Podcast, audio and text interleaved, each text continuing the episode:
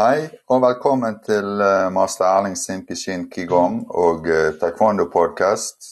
I dag har jeg vært så heldig å få med meg uh, Nils Hoffmann Olsen fra Hamar Taekwondo. Hei, Nils. Hei sann. Hei. Ja, veldig hyggelig at du kunne være med. Ja, veldig hyggelig å bli spurt. Ja. Det som er med denne podkasten, er at jeg har lyst til å intervjue noen som har holdt på lenge, og fortsatt holder på. Uh, ikke nødvendigvis bare med taekwondo, men uh, diverse andre ting òg uh, innen kampsport. Men Nils, hva var det som fikk deg til å starte med taekwondo? Eller var det taekwondo? Ja, det var jo egentlig det. Eh, det var jo sånn at eh, jeg er jo født og oppvokst oppe i Nord-Østerdalen, og da er jo ofte ski vært, eh, vært den store idretten. Mm. Og det er jo sånn at jeg vokste opp med ski på beina, så det var det jeg starta med i utgangspunktet. Men i en alder av 16 år så fikk jeg vite at lungene mine ikke tålte så veldig mye kulde i, i anstrengende form. Så da var det egentlig en kompis på, på videregående som på en måte tipsa meg om at uh, de hadde taekwondo-klubb på Tynset. Ah, ja. Uh, og siden jeg måtte slutte i langrenn, så følte jeg at uh, jeg måtte finne på noe annet å holde på med. Og da, da ble, ble jeg dratt med på taekwondo-trening, og, og, siden har det egentlig blitt av basillen. Ja, Når var dette da, Nils? dette var vel i 1998, hvis jeg husker riktig. Ja. Mm. Så det begynner å bli en god del år siden. ja, ja, det er det faktisk. Så um, Hvordan syns du eh, taekwondo var da du, med en gang du kom inn der? Og vant egentlig noe helt annet?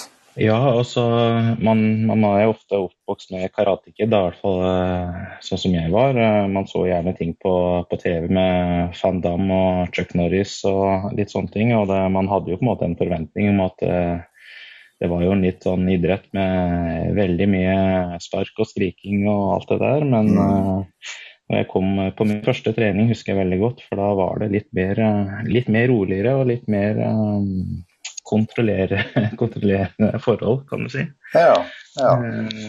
Og fikk, en helt annen, fikk et helt annet inntrykk av hva man egentlig kanskje hadde begitt seg ut på. og det det var noe som passa meg litt med tanke på at den instruktøren vi hadde da, han uh, forklarte veldig godt hva dette dreide seg om. og, og sånne ting, Så vi en, begynte å få en god forståelse allerede da hva, hva dette her var for noe. Mm. Hvem var det som var din første instruktør, da?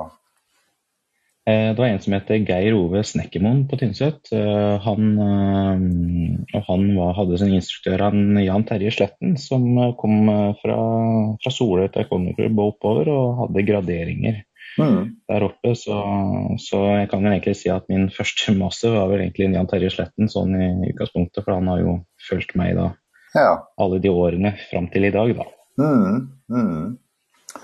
Uh, Nils, når du hadde kommet i gang og funnet ut uh, hva taekwondo var, var det noe sånt du uh, satte noen mål med, med, treningen når du Ja, det er jo litt sånn hierarkisk oppbygget på en måte? Med forskjellige ja, beltefager? jeg hadde jo noen venner som hadde drevet med dette noen, noen uh, sesonger før, så vi hadde jo på en måte uh, Når jeg så svart belte og det var mulig, så var det jo ofte at det var det sorte beltet som, som på en måte ble det store målet. Men jeg hadde også et mål om å på en måte gå i spagat. og Det var jo liksom det, det jeg så for meg. Uh, og det men etter hvert så ble man jo mer kjent med, med hva det egentlig dreide seg om, og måte, hva det gjorde med kroppen og hodet, og, og hva det egentlig handla om. Så det, for mm. meg så ble det, en, eh, ble det, en, utvikling etter hvert på oppfatning av hva man, hva man skulle gjøre, og, hva som er hensikten bak. Ja, ja. Uh, har du vært med i noen konkurranser, sånn, uh, enten i kamp eller poms eller sånne ting opp igjennom? Ja, altså jeg har eh, Jeg begynte jo med kamp. Eh, Jan Terje Sletten var jo eh, veldig oppi det med kamp. Og jeg ble jo kamputøver etter hvert og har jo konkurrert både norgesmesterskap og norgescup mm. i en periode. Så, men det, det, var da frem til jeg måtte, måtte, gå i kongens klær og begynte i befalsskole. Da, da måtte jeg slutte med det, for da hadde jeg ikke mulighet til å, å fortsette i det, det tempoet. Men, uh, men, kamp var det på en måte min første, ja. første inntog i konkurransesettingen. Mm. Uh, var, det, var, det, begynt med pomsemesterskap når du begynte å konkurrere, eller var det stort sett bare kamp? Uh, jeg tror de sikkert hadde startet med pomse. Jeg var ikke så veldig inn i det akkurat. altså Jeg husker ikke om de hadde noe konkurranse om det da, men, uh, men da For etter hvert for min del så ble jeg mer og mer opptatt, av teknikk og litt sånne ting. Og da begynte jeg å oppdage pomse litt mer, og da ble det litt mer utforskning på det området. Mm, mm. Ja. Eh,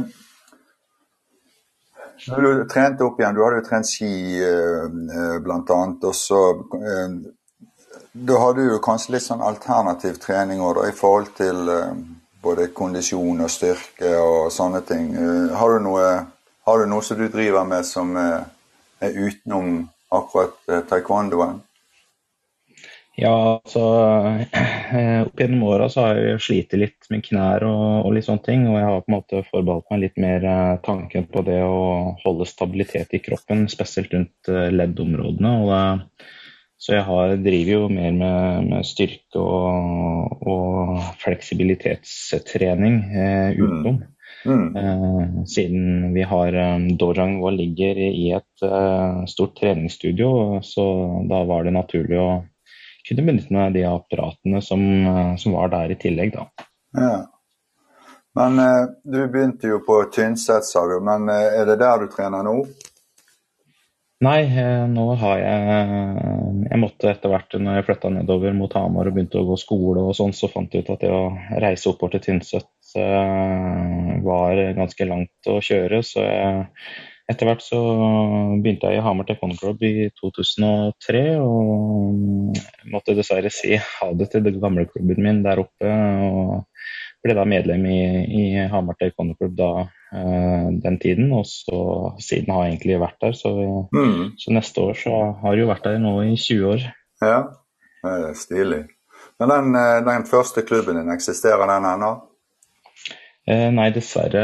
Eh, det var en som tok over en liten periode etter at jeg måtte, måtte takke for meg. Eh, men etter det så ble det litt sånn nede. Men etter hvert så kom jo Mudo-instituttet opp dit. Så de, ah, ja. de, er der fortsatt, men de ligger Det er vel noen som kanskje trener noe, noe taekwondo der oppe, men jeg vet ikke om det er noen stor, stor klubb. Det, jeg har ikke vært oppe og sett der ennå.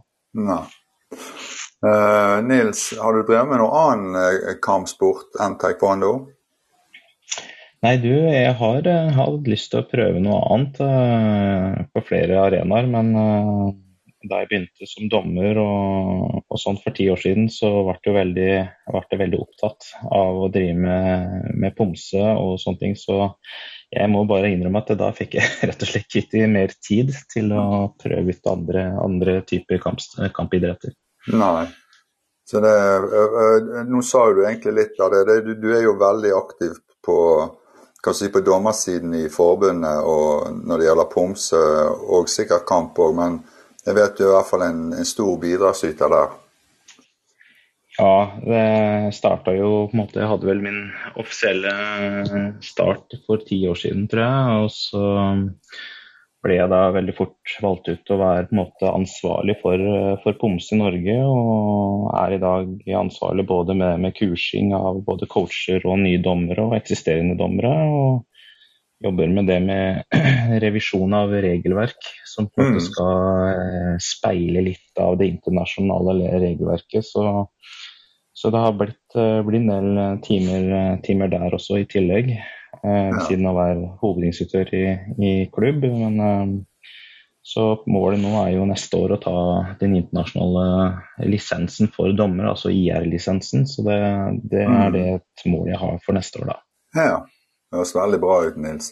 Um, nå har jo vi nettopp hatt uh, noe litt sånne kjipe år med korona og diverse sånn. og har det vært noen utfordringer i forhold til taekwondoen sånn uh, som du er borti han, på en måte? Uh, ikke klubbmessig, men sånn ellers? Ja, altså man merker jo det at eh, når koronaen inntok, så siden vi har vår klubb i, i en aktivitetssenter, så var jo senterets åpningstider som måte, vi måtte basere oss på. Og det var jo stengt i større perioder også. Mm. Uh, men jeg tenker at uh, vi fikk jo muligheten når det var sommer, og så kunne vi trene ute med god avstand og med de reglene som gjaldt i den perioden.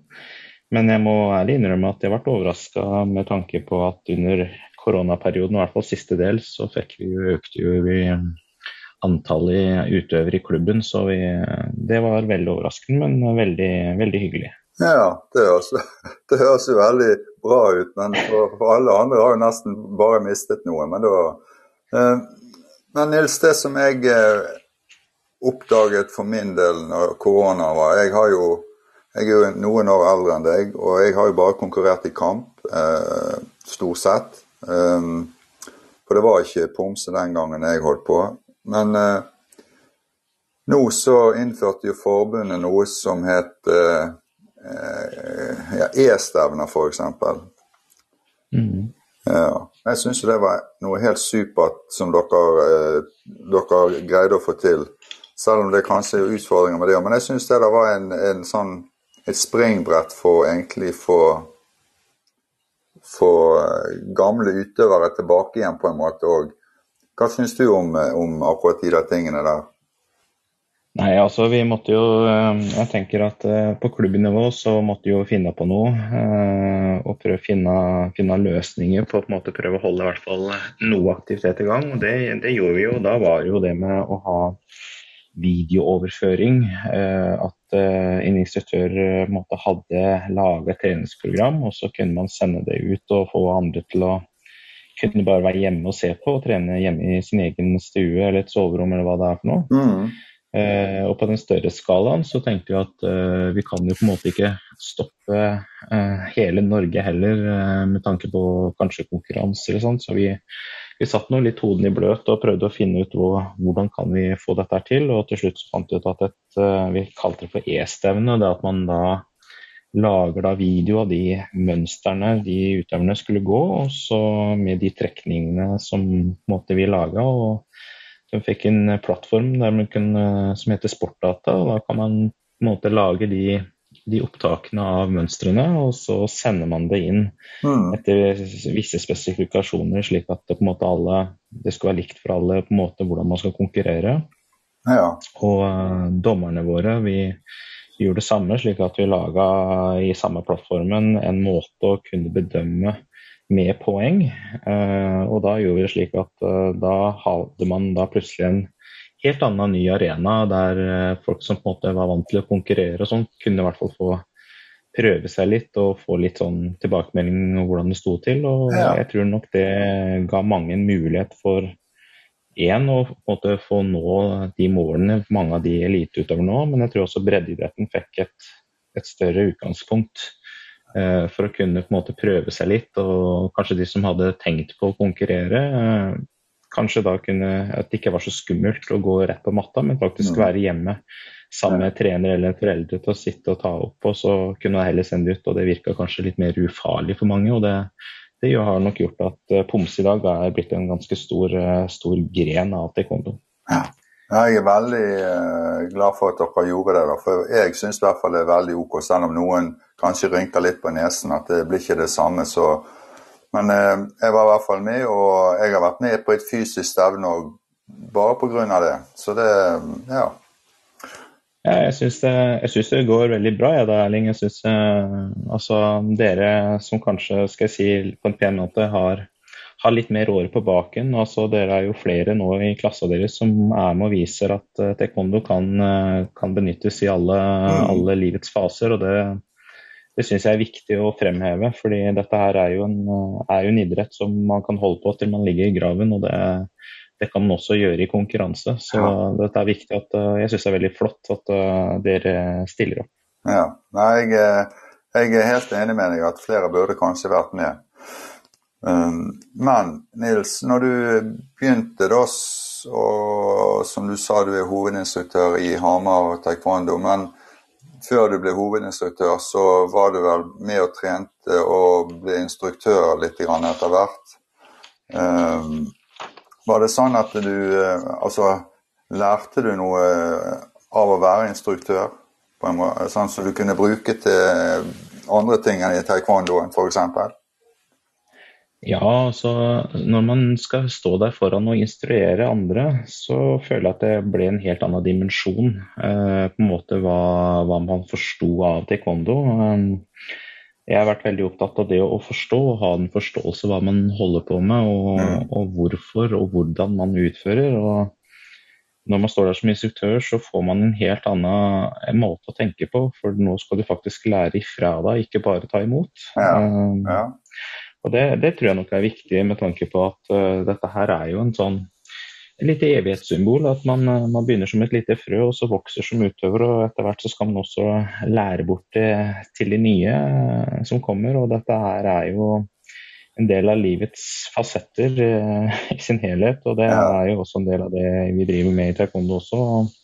Min, min idé og min erfaring er at jeg lærte mer og forsto mer hva taekwondo var for noe, hva det dreide seg om, og på en måte hvordan man, man skal tenke og, og, yte når man plutselig må stå der og, og faktisk fortelle andre hvorfor og, og hvordan mm. man skal gjøre ting.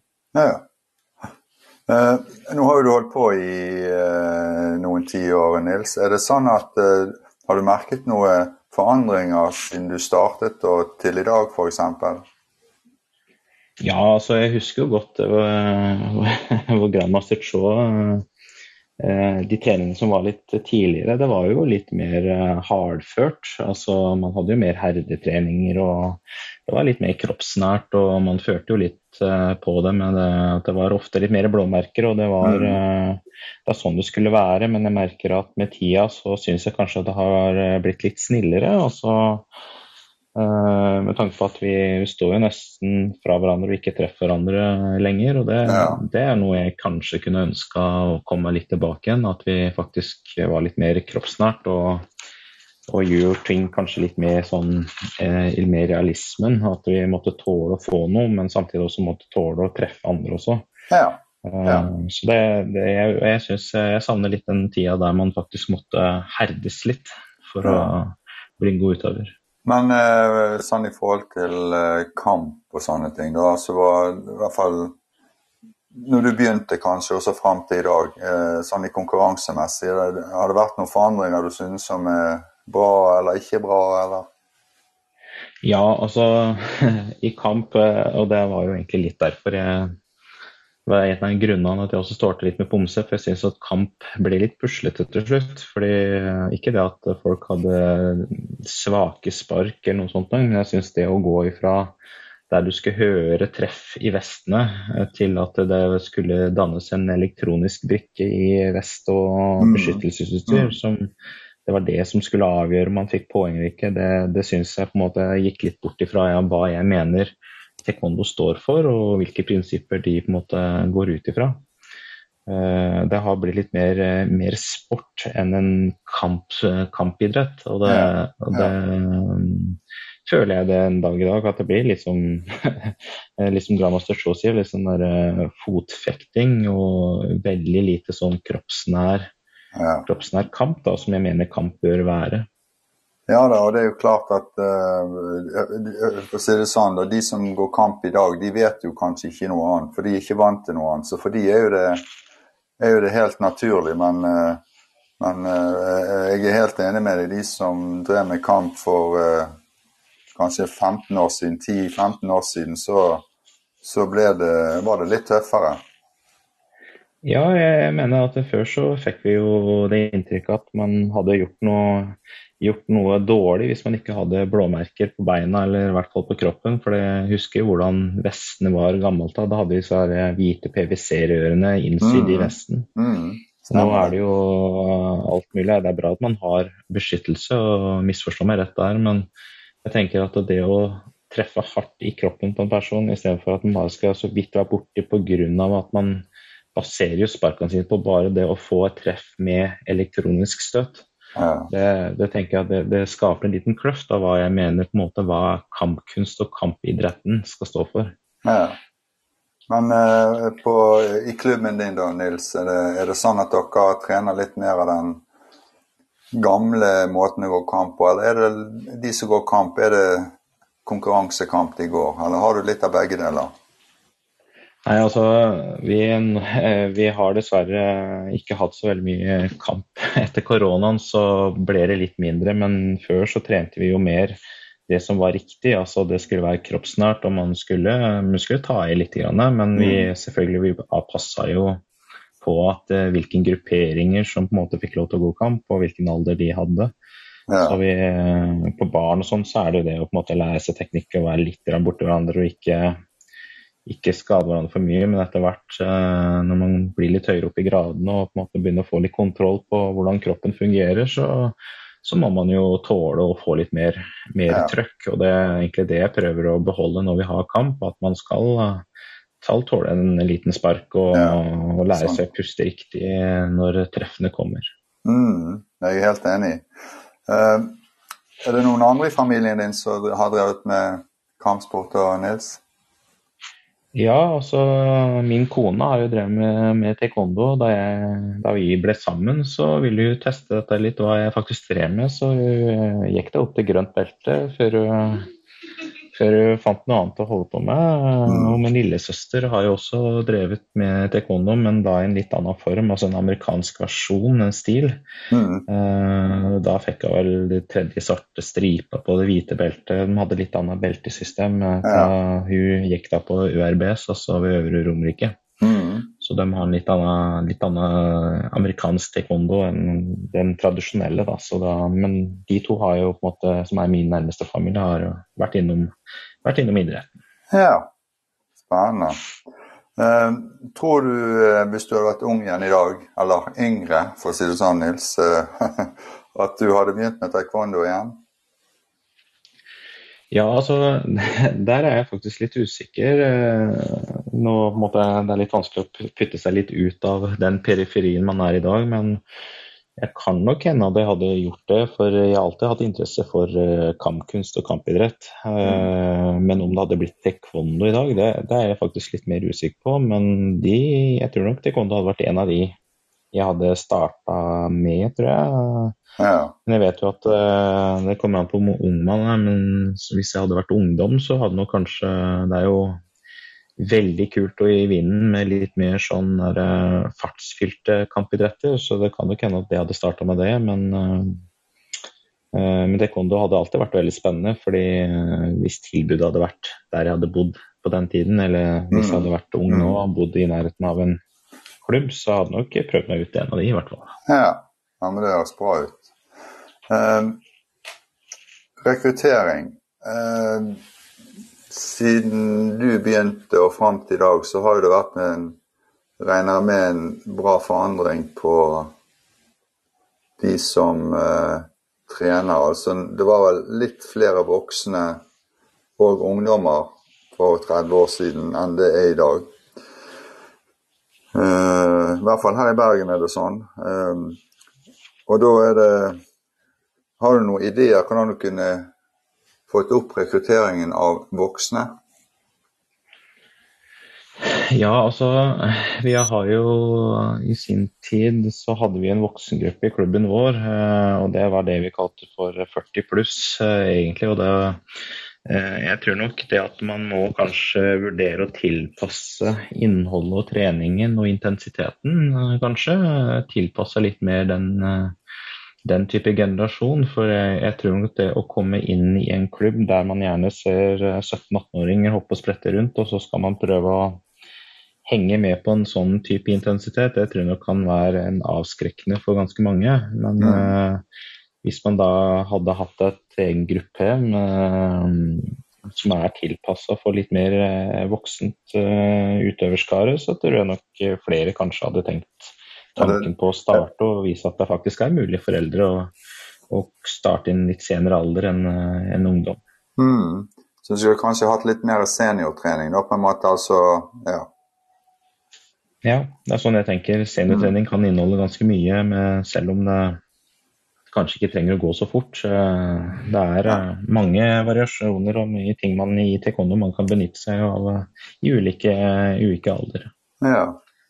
Men dere hadde, nå når dere fikk så mange nye, hva var det dere fikk? Var det voksne, eller var det barn og ungdom? Ja, altså det må nok, altså Majoriteten var jo, var jo barn og, og, sånne ting. og det var, Jeg tror nok kanskje det hadde litt sammenheng med at mange klubber, spesielt fotball, håndball og, og ski og sånn, på en måte ikke hadde noe å tilby, for de var jo stengt, de fleste. Mm. Ja. Eh, men jeg tror det var jo noen voksne som også starta, og for vår, i vår klubb så var det jo flere av de voksne som starta, hadde jo egne barn i klubben.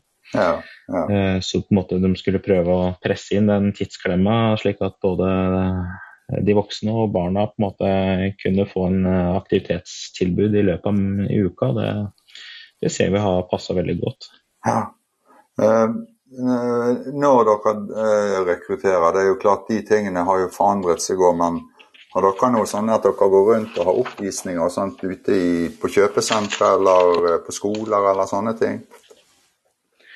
Ja, før koronaen så var vi ofte gjerne med på noe som heter Frivillighetsdagen på Hamar. Der vi på en måte fikk en egen eh, stand også mm, i sentrum av eh, Hamar. Mm. og da, da hadde vi gjerne med oss en videosnutt på en skjerm ikke sant? og delte ut noen flyers og, og eh, noen matter og puter der de kunne gjerne prøve seg prøve og se litt hva det, hva det var for noe. Mm.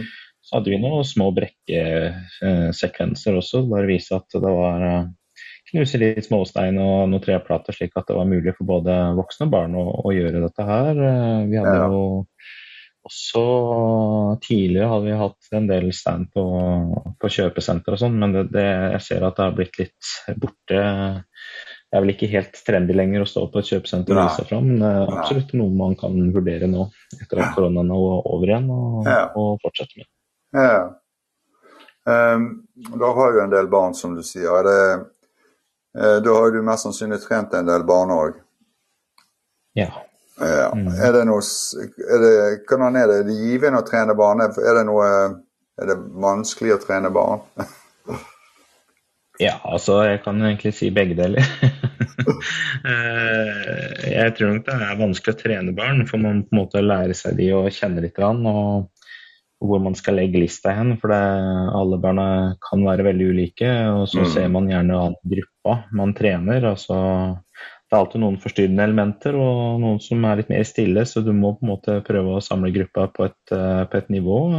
Mm. Men samtidig så er det jo utrolig givende å trene barn. Altså jeg, jeg, motiveres veldig godt av å se at barn begynner å mestre ting som kanskje har vært en utfordring tidligere. Mm barn har jo en kropp som må formes, og, og, det å gjøre ting er ikke alltid like lett. Men når man ser at de når eh, noen milepæler med det å måte, klare å utrette ting eh, med kropp og hode, det, det, er for meg en veldig stor motivasjon som trener. Ja, det høres veldig bra ut, Nils. Det, det, det høres ut som du er, du er en god trener. Ja. Um, jo, takk for det. um, styrearbeid og klubbarbeid og organisasjonsarbeid. Da har du, du har mest sannsynlig rapport i alt. Du sitter vel kanskje i styre og stell i klubben nå, du da? Ja, jeg har jo, jeg har jo, jeg har jo på en måte inntatt nesten alle roller, tror jeg. Um, akkurat nå så, så, har vi et, veldig mange engasjerte mennesker, så jeg har på en måte fått lov til å sitte litt utafor styredelen nå. Jeg er jo med på styremøter og og litt sånne ting. Men da sitter jeg som på en måte Jeg er jo hovedinstruktør og, og har, har, den uh, rollen uh, med tanke på det faglige og på en måte litt mer hvordan ting skal drives og hva man forventer. Mm. Jeg, men jeg er jo med på styret, men jeg sitter ikke i styret akkurat nå. Men uh, i, i, klubbsammenheng så er jeg jo også trener for konkurransegruppa vår, så jeg på en måte har jo ansvaret for å melde de på. og å få de med på konkurranser. Eh, selv om jeg er dommer, så kan jeg ikke være coach sjøl, så jeg på en måte prøver å rekruttere noen av de vi har i klubben. Uh, organisasjonsmessig, så, som jeg nevnte nevnt tidligere, så er jeg jo dommerleder for, for Pomse i Norge. og jeg har jo også ansvaret for uh, alt som har med den delen å gjøre i konkurransesetting og utviklingsbiten. Så jeg er jo bl.a. med på å lage en ny ny e-læringsplattform der vi på en måte lager en kursmodell for nye dommere og coacher med da en e-plattform som en base først. Og så mm. tar vi som teoretisk sak, og så har vi en praksisdel i midten. Og så er det jo den siste biten før man får lisensen at man skal være med ut og, og dømme i uh, live da, på matta eller på et E-stevne. Ja. Det høres veldig bra ut. Jeg, ja. har på en måte mange roller og mange hatter å ha på meg, så jeg får ja. snart beskjed om at nå, nå, er det nok i heimen, tror jeg. Jeg tror jeg ikke skal ta på meg så mye mer. du må finne den rette balansen der, det er viktig. Ja, det er akkurat det, vet du.